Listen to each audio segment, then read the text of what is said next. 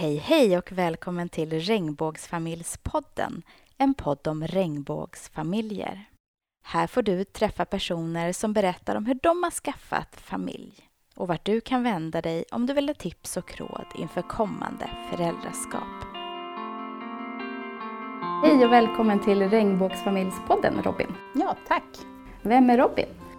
Ja, Robin är eh, en eh, människa från Luleå som är fyllt 30 år och bott i Stockholm i 10 år. Hållit på mycket med dans tidigare, har eh, lagt ner det. Eller jag är på en så paus som är inne på fjärde, femte året någonting. Bor tillsammans med min, min tjej Caroline och vi har våra två barn, Lovi och Vide, som är sex månader. Lovi är sex månader och Vide är två månader. Om du skulle försöka sammanfatta er resa, hur mm. har den varit? Ja, sammanfatta den. Det, det, det är ju en väldigt lång resa, så den har varit väldigt, väldigt, väldigt tuff. Alltså det var, från början så var vi väldigt positiva. Jag tänkte så här, det här kommer gå som en smäck, det är inga problem. Eh, så vi gick in och var bara jätteförväntansfulla och nu äntligen händer det. Vi har fått stå i kö hur länge som helst och äntligen är vi framme. Och, du vet, man fick, eh, fick ju börja inseminera på Karolinska och, då, eh, och jag fick jag fick liksom sköta själva inseminationerna på Caroline så att jag tänkte att jag känner mig väldigt delaktig och sånt. Sen gick det inte bra alltså, så att det, varit, eh, den har varit, det har varit väldigt många försök, vi har haft två missfall och det har varit väldigt omtumlande och jättejobbigt och båda två har mått jättedåligt till slut.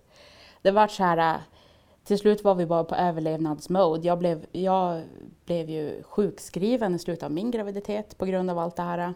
Och Caroline har klarat skolan med nöd och näppe. Och sådär. Så att det, nej, den vart inte rolig och det är någonting som jag egentligen bara tänker att jag lägger bakom mig nu. Alltså. Men till mm. slut så gick det ju, för ni mm. har ju mm. både Vide och... Mm, och eh, Vide och Lovi. Vide och Lovi har ja, ni idag. Precis. Ja, nu tänker man ju att verkligen att det var verkligen, allt var verkligen värt det. Alltså det och jag tänkte det när jag, för jag tog ju kontakt med folk som hade varit i ungefär liknande situation, också regnbågsfamiljer, eh, som jag hittade på nätet och sådär. Bara för att söka stöttning i de som redan som har kommit fram, liksom, i hur de klarade av det där och det. Eh, och de sa ju det allihopa, att det är verkligen värt det i slutändan. Och det förstod man ju någonstans, men men så pass påfrestande som det var, var det till slut att det bara, jag, bara, jag bara klarar inte det här längre. Alltså. Det, det kom till en sån nivå. Men nu har vi våra små. Och det är ju liksom vår enorma glädje i livet nu. Man kan inte förstå vad man gjorde innan. Alltså, hur, hur kunde vi leva utan dem? Men du pratade om insemination, att det inte gick vägen. Mm. Eh, så då antar jag att ni fick gå över till IVF-försök mm. eller Fortsatte ni att inseminera? Eller? Nej, alltså vi, vi tog kontakt med eh, vi, vi fick ju en remiss och tog kontakt med Karolinska. Min, min tjej Caroline, hon är ju fenomenal på att googla fram saker och ting så att jag har bara hängt med. Eh, och då så tog vi kontakt med dem, gick ju på gynbesök eh, och kollade att allt var okej med henne. Det var det, alla blodprover var okej, allting. Allt såg jättebra ut. Eh, vi ställde oss i kö på Karolinska. Först då har vi ju då kontakt med Karolinska och kan eh, prata med dem. Eh, och då så var, stod vi väl i kö i typ, det var 14 månader tror jag vi stod i kö. Sen fick vi börja med insemineringar. Då får man ju välja på Karolinska, i alla fall när vi var där då, sex insemineringar får man. Eller så kan man byta ut de två sista mot ett IVF. Så vi gjorde ju det då. Vi tog fyra insemineringar, det vart ingenting. Tog ett IVF, Caroline vart gravid, vi var överlyckliga. Eh, då vill de ju att man kommer på så tidigt ultraljud när man har gjort ett IVF och i vecka nio och kollar så att allt ser bra ut. Då gjorde vi det. Det såg inte bra ut. Eh, så vi vart ju helt eh, förkrossade över det men sen så rättade vi upp oss och tänkte att det är aldrig många som får ett missfall. Det är ju liksom inga konstigheter egentligen och vi har pratat om det innan att om det händer så händer det och då går vi vidare och vi försöker igen och så. Där tog ju våra försök slut. Våra, våra finansierade försök i alla fall. Eh, så då, fick vi, då gjorde vi ett till IVF som vi betalade själv. Eh, också på Karolinska. Samma, nej, då bytte vi donator. Vi hade sagt till dem tidigare att vi ville byta donator. Men de hävdade att det inte spelade någon roll. Så det har vi varit sura över i efterhand, att vi inte fick byta donator. Men då, nu fick vi i alla fall byta. Så gjorde vi det här försöket för 30 500 kostade det. Och hon blev gravid igen och vi var överlyckliga igen men vi var ändå så här, eh, Eh, rädd att det skulle gå snett eftersom det hade gjort det första gången. Eh, sen gick vi på ultraljud på, i vecka nio igen och vi, Caroline var livrädd. Jag var lite mer positiv, så här, det kommer gå vägen. Det var för oddsen att vi får ett till missfall. Liksom. Eh, och, men hon har inte haft några graviditetstecken. Alltså varken första eller andra gången, inga graviditetstecken. Eh, hon, hon är typ mått illa av kaffe. that's it, liksom, ingenting. Eh, så det har ju gjort en nervös. Så gick vi och så sa vi, väl där inne så, så liksom, ja, Caroline typ började gråta och vi bara fick göra det på en gång. Och de kollade eh, och såg inte bra ut igen. Och nu var det ju, nu var vi ju bortom förkrossade, alltså det var jättejobbigt. Och då insåg vi också att nu får inte vi någon mer hjälp här. Nu kommer vi behöva gå vidare till Danmark. Eh, och det det innebär att gå vidare till Danmark är ju att, eftersom det var Caroline vi gjorde försöken på, det det innebär är ju att hade vi, hade vi lyckats i, eller lyckats, det känns fel att säga så, men hade det gått vägen i Sverige, då hade jag varit förälder direkt. Liksom, inga problem. Men via Danmark, då är jag inte det. Eh, och så då, det var en sån gräns för mig som jag inte ville gå över. Jag ville inte hamna i Danmark för att jag ville inte stå utan rättigheter. För att min bästa vän, eller en av mina bästa vänner, har varit precis där, stått utan rättigheter och därmed blivit av med sitt barn. Så att hon, där vill jag inte hamna. Eh, men nu i alla fall, då var det bara att acceptera läget. Att vi får lov att gå över till Danmark. Caroline googlade igen. Vi hittade ett ställe som heter Triangeln, Köpenhamn. Det ligger så bra till. Och vi hittade så mycket ah, bra recensioner om dem. Men framförallt så hade de ett, ett trepack. Alltså det låter så dumt, trepack, men det är trepacket så vi fick tre IVF för en summa, vad den var, 53 000 tror jag. Och det var ju bra mycket billigare än 30 000 per försök. Eh, så då tog vi den. Eh, och då gick vi vidare. Eh, i, det ska jag säga, i, i, samband med den här övergången till Danmark, så, så när vi har fått våra två missfall, så insåg vi att det här vill vi aldrig någonsin göra om. Aldrig, aldrig mer vill vi vara här. Så då tänkte vi så att det är lika bra att vi försöker båda två. Eh, vi försöker på oss båda. Eh, och då skulle jag ju också behöva åka till Danmark för att vi kan ju inte få något syskonförsök i Sverige i och med att vi inte fått några barn. Så finns det ju inget syskon. Så då gick jag och kollade upp mig eh, och det såg inte bra ut. Så att jag hade, eh, så de kollade en massa värden och då, jag var 29 år då, jag är 30 nu. Eh, och då säger de att jag har låg äggreserv och det ska man inte ha när man är 29 år. Eh, men vi har pratat om det där i efterhand, jag och min mamma, att, för hon gick in i klimakteriet tidigt, tidigt så jag kanske också är en person som kommer göra det, jag vet inte. Men hur som haver, det vart bråttom. Och vi hade ju pratat om att eh, fullfölja resan för Caroline. Man börjar någonstans, alltså det var lite så här eh, ja, att vi skulle försöka att få två barn samtidigt men ändå var det det här att det var lite känsligt att jag skulle börja samtidigt ifall att det går jättebra för mig och det inte går bra för henne. Men i alla fall, det var väldigt bråttom med det här AMH-värdet då som jag hade så jag åkte iväg till Danmark ganska omgående. Eh, och jag vart gravid och det, därav vi Lovi. Så det gick ju liksom på en gång. Eh, jag gjorde också IVF, tog också en trepack för jag tänkte här har vi ingen tid att förspilla. vi har satsat allt på ett kort. Och sen så, och Caroline, hon, vi fortsatte på henne. Vi gjorde ett till IVF i Danmark då, först, hennes första i Danmark. Och det gick inte alls bra, hon vart inte gravid. Eh, och sen så gjorde vi ett fjärde, nu är vi inne på hennes fjärde IVF. Eh, och så var det en åttonde behandling alltså på Caroline. Och då blir hon gravid och det är samma sak igen, att hon har inga graviditetstecken och vi tänker, vi blir ju skiträdda och tänker att det här kommer gå åt helvete. Alltså det är ju liksom, eh, men jag försöker vara positiv men samtidigt är jag gravid och det är mycket så här med Caroline är jag avundsjuk för att jag har lyckats bli gravid. Jag har dåligt samvete för att jag lyckats bli gravid före Caroline. Återigen det här med lyckas, det känns fel att uttrycka sig så men eh, Ja, och så sen så när vi då har gjort hennes fjärde försök, hon blir gravid, vi är skitoroliga för det här eh, ultraljudet vecka nio som vi ska göra nu tredje gången på Caroline. Och vi tänker att går det inte vägen nu, då är det liksom, då är det något fel på henne. Eller det kanske är något fel på henne i alla fall. Läkarna börjar ju i alla fall misstänka det. Och man kommer behöva göra utredning och det är så chanserna minskar. Det, är en massa, det innebär en massa saker att få ett tredje missfall. Eh, så att det blev så pass tungt så att jag varit eh, sjukskriven sista tre, fyra månaderna någonting av min graviditet. Men det där ultraljudet gick ju bra. Och när hon, vi hade satt in två embryon, det var andra gången vi gjorde det, men första gången var när hon inte blev gravid. Men så att vi var ju så här, vi var ju dels nervösa alltså jätte, jätterädda för att det inte ska gå vägen. Men sen var vi också lite nervösa för att tänka om det är två, för då får vi tre, tre bebisar. Liksom. Eh, men det var bara en. Och det gick ju bra och sen så gjorde vi kubtest, det gick bra, vi gjorde till ultraljud några veckor senare, det gick bra och sådär. Så att det där har vi ju vidare då. Det gick vägen. Fantastiskt, vilken berättelse! Mm. Ja. eh, hur många månader är det emellan barnen? Det är fyra månader emellan. Mm. Eh, hur var det att gå mödravården tillsammans då? För det gjorde ni ett tag i alla fall. Nej, vi gjorde inte det utan för min, eh, min barnmorska på mödravårdscentralen, hon sa till mig att hon tyckte inte att vi skulle gå på samma ställe.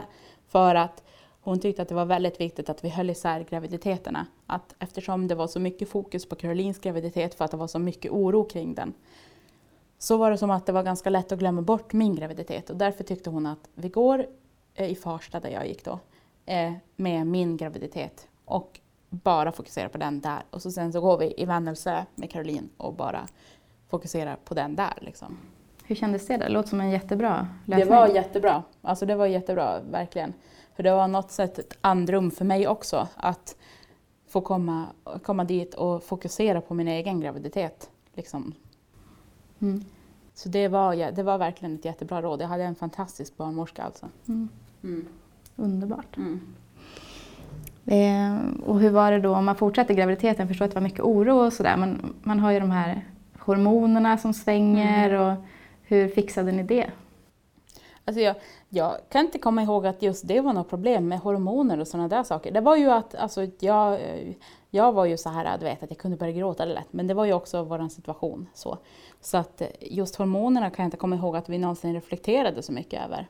Utan det var ju det här att vi hade det tungt runt omkring liksom, som var, som var det. Och man, man, men någonstans så såg man ju att nu var det bara, klockan tickade att snart är, har vi kommit ifrån det här, liksom. snart har vi våra två barn. Så att horm alltså hormonerna kan jag inte komma ihåg att det var något problem. Faktiskt. Nej.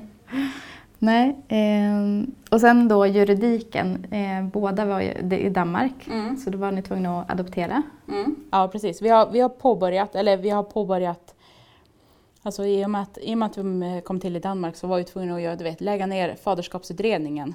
Så att det vi har gjort är att vi har kontaktat eh, familjerätten.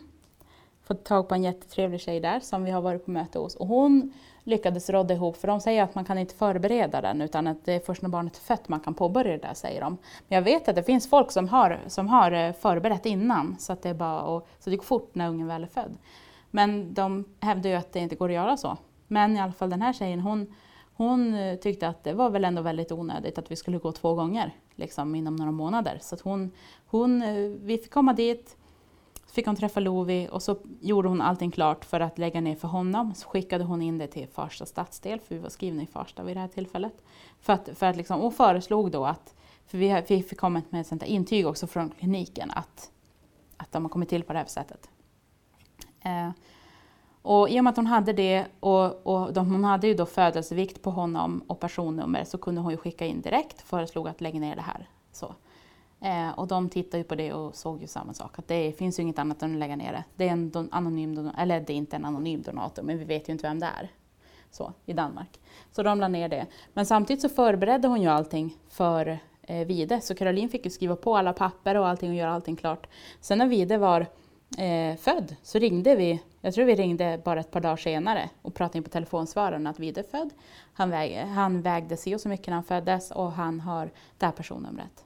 För vikten är ju för att de vill de vill ju se att det här intyget lämnar in att den här ungen ska ha blivit till vid det här tillfället. Då vill de matcha det med, vikt, med födelsevikten och se att kan det stämma att det är den behandlingen de har blivit till på. Så så långt har vi kommit. Så nu är det ju båda, det är nedlagt för vida också ska jag säga. Så nästa steg för oss i höst är ju att ta kontakt med dem igen för att påbörja adoptionsprocessen. Och då den här äh, Jennifer som vi får tag på på familjerätten, hon eh, ska försöka vä- väva ihop det också så att det bara blir en adoptionsprocess för båda barnen. Så det är jätteskönt att hon är så tillmötesgående. Och hon ursäktade sig väldigt mycket också första mötet. Så här att, liksom att ja, nu ser det ju tyvärr ut så här. Att ni måste göra så här.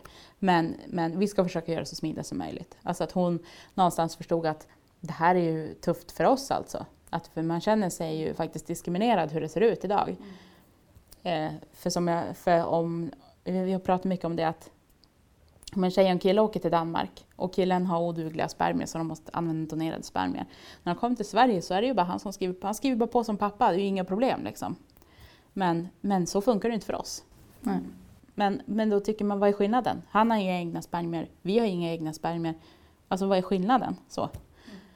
Men det är ju tyvärr så att det är ju en stor process. Så nu har vi faderskapsutredning på båda nedlagda och vi har gått till rådhuset och gift oss för det är också lagen att man måste vara gift. Mm. Så jag vet inte riktigt vad de vill åstadkomma med det heller för det är väldigt många som inte är gift idag och har barn. Men så är det i alla fall. Så det har vi gjort. Så bara för att vi varit så dumtjuriga och tyckte att vi vill ju gifta oss av egen vilja, inte för att lagen säger så. Då gick vi dit och bara, nu, ni får skaffa fram vittnen. liksom ta den kortaste processen ni har. så det tog typ så en minut. De tog in köksan och någon till, en sekreterare. Tager du, tager du, ja. Och så fick vi gå därifrån med räkningen. Liksom. Mm. Ja.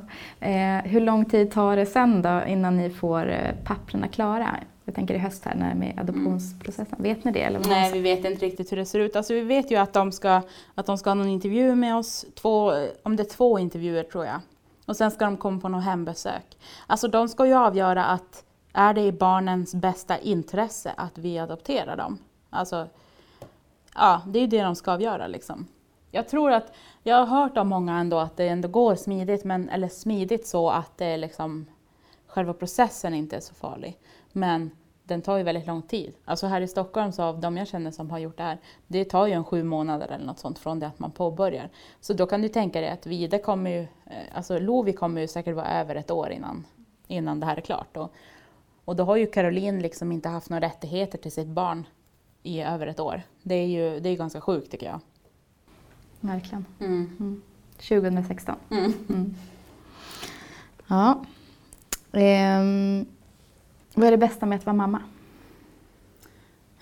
det bästa, det finns så mycket fantastiskt med att vara mamma. Det är ju det, är ju det här med att de, eh, ja men du vet, om, härom, häromdagen blev Lovi jätte, jätterädd för någonting. Och så, liksom, så var han i min famn och grät och, och, jag, och han blev ju lugn hos mig. Liksom. Och det här att man kände så här, eh, hur, hur pass mycket han behöver mig. Alltså, och hur viktig jag är för honom och för Vide. Men Vide är ju kanske lite mer anknuten till Caroline nu då, som har fött honom just nu. Men i alla fall, Eh, Det, att vi vet hur viktiga de är, eh, hur viktiga vi är för dem, hur viktiga de är för oss. Alltså så här, se utveckling. Man, jag trodde ju aldrig så här, du vet man har hört föräldrar säga så här att Åh, det är så fantastiskt, den vände sig för första gången. Och då har jag tänkt så här, hur kan ni hålla reda på att det här är första gången? Alltså för det är så många detaljer. Men jag förstår verkligen hur man kan hålla reda på det. För att första gången de vänder sig, man bara man blir helt så exalterad och springer hem till Caroline. Ja, han vände sig! Från mage till rygg. Förra gången var det från rygg till mage. liksom. Eller typ så här att när han badar och bara tittar på en och bara, för att han tycker så här är så himla roligt att bada och han tittar på en för han vill ha bekräftelse och någonstans ha en gemenskap i det här hur roligt det är för han att bada. Alltså alla sådana där små detaljer. Så det här är ju hur många sådana här tillfällen som helst per dag. Och det är ju mm, Alltså det är ju det bästa någonsin. Det är ju, liksom, det är ju så stort så att det går ju inte ens att beskriva hur det är att vara mamma. Tuffa nätter och sånt då? Mm. Nej, det, det går faktiskt riktigt hyfsat måste jag säga. För att Lovi, han gick ju ner rätt mycket i vikt i början. Så då fick vi ju väcka han och mata han. Så här, två och en halv timme per gång, så här, bara veckan. Men det var en ganska kort period. Sen började han gå upp i vikt. Eh, och då, då så sa de ju att han, när, när han är hungrig så får han äta och när han sover så får han sova. Vilket gjorde att han lärde sig ganska snabbt. Jag tror att när han var två månader någonting så sov han hela nätter. Så att det är ju liksom, sen vart han sjuk och hamnade på sjukhus och efter det har det ruckats lite. Men det går ändå ganska bra. Han brukar sova till fyra eller något. Men, och sen så somnar han om ett par timmar till. Vida har ju haft jobbiga nätter men, i ett par månader, men de har också börjat rätta till sig. Så sammantaget måste jag säga, fast vi har två bebisar, att vi får faktiskt ihop våra timmar per natt. Alltså det är minst mellan sex och åtta timmar vi får ihop per natt. Fast vi har två bebisar. Och det tror jag många inte skulle tro oss. Alltså. Men det är, faktiskt, det är faktiskt så. Vad är knepet då? Knepet är att skaffa barn som inte får kolik. Eller någonting. Nej, men knepet är väl att... Ja, vad ska jag säga? Nej men låta dem, alltså låta dem skaffa sin rutin själv. För att liksom att ja, men när de sover så låt dem sova, när de blir hungriga så och, och som våra äter ju ersättning och Vide blir fortfarande ammad också då, då men eh, det är så här typ att ja men äter han 90 så äter han 90 milliliter, blanda 120 bara för att han kanske vill äta 95 eller 100 och då är det viktigt att han gör det för då kan han, sträcka, då kan han sova så länge som möjligt innan nästa gång han ska äta. Då får man hellre hälla bort en massa ersättning. Så det, det tycker jag är ett viktigt knep för att problemet blir Caroline har gått och blandat kanske, ja han äter inte mer än 60, då blandar hon 60. Och då kanske han vill ha 70, men när hon då går och blandar 30 till, då har han hunnit somna. Och då vaknar han ganska snart igen. Mm. Bra tips. Mm. Möter ni några reaktioner på hur ni har valt att bli föräldrar? Nej, alltså jo, mycket reaktioner möter vi ju. Just det här att eh, folk inte kan förstå Ja men du vet, folk kommer med så dumma frågor. De, de ser dem så här, bara, ah, oj, men de där, hur gamla är de? Liksom. Då, ja, nej men de är sex månader och två månader. Och då blir de så här, men hur har, hur har det gått till? Är den ena för tidigt född eller, eller liksom så här, är både, alltså man bara, men hur fungerar din matte nu? Alltså hur, sku, hur skulle det rimligtvis kunna vara samma människa som har väntat de här två? Att de kan som ändå, ändå inte koppla, jag tycker man borde kunna koppla liksom att det kan inte vara samma människa som har väntat de här två. Då är de förmodligen två människor som har väntat de här två. Men det kopplar de inte. Utan, så det är mycket sådana där, mycket nyfikenhet alltså, eh, är det ju. Det är inte, alltså de, ofta så är det ju så här, åh vad roligt de kommer ha ihop och de blir som tvillingar och mycket sånt där när man har förklarat för dem hur det har gått till. Så, eh, men annars så, jag kan inte påminna mig om att vi har fått så mycket negativt men det är ju sådär ibland man hör någon underton hos någon. Att de säger det inte, men man förstår att de tänker någonting som de inte säger. Så. Men oftast inte. Och när folk säger så här, ah, två stycken, oj nu kommer ni få det ni gör. Och, alltså att de tror typ att det kommer bli så himla körigt för oss. Men då har vi sagt, liksom, det här var mycket innan Vide föddes då. Eh, då har vi ju sagt det att, men jag tror att det ni inte tänker på det är att vi kommer vara två stycken som är lediga. Att vi kommer inte vara själva med de här ungarna liksom. Så och det, det är ofta det de inte har tänkt på, för ofta de som reagerar är, ofta, är de som har tvillingar också. Och då har de ju kanske varit hemma själv med de här tvillingarna. Precis, mm. ni har ju föräldraledighet mm. samtidigt. Mm. Hur, hur, är det med Försäkringskassan och, och föräldrapenning och sådär? Jag antar att ni, mm. det är som vanligt, eller hur? Mm, ja visst. Alltså det som är det är att vi är ju ensamstående båda två. Ju. Mm. Alltså vi är ju eh, ensamma vårdnadshavare till, till eh, båda barnen ju. Så på papper så har ju båda barnen bara en förälder. Eh, och det innebär ju att vi får ju, vi får ju jag får ju alla föräldradagar för Lovi, hon får ju alla för Vide så här långt. Vi ska börja blanda lite. Eh, så. Men så att vi har ju sagt det bara att vi delar ju på dem, hälften hälften såklart. Och så försöker vi vara lediga nu. Så vi har tänkt att vi båda ska vara lediga till hösten nästa år. Att vi ska liksom introducera dem på förskola eller dagmamma då. Liksom. Eh, så det funkar ganska bra. Vi håller på, på att räkna på det där som tusan för att hur man ska kunna få ihop det här och få ut mest pengar. För de har ju, det finns ju något som heter jämställdhetsbonus. Och det är ju så dumt. Att, eller det är väl bra, men det är ju så dumt för oss för att vi är ändå lediga båda två. Men det som, om, om jag då tar ledigt för Vide så får vi jämställdhetsbonus och, och tvärtom. Så lite sådana där grejer håller vi på att klura på. Mm. Och sen finns det ju något som heter eh, underhållsstöd också. Det är väldigt många tjejer som just har varit i Danmark som utnyttjar det här för att man tänker på något sätt att på ett sätt känns det omoraliskt för vi är ändå två föräldrar men på papper är vi inte det. Så vi har rätt till det här underhållsstödet.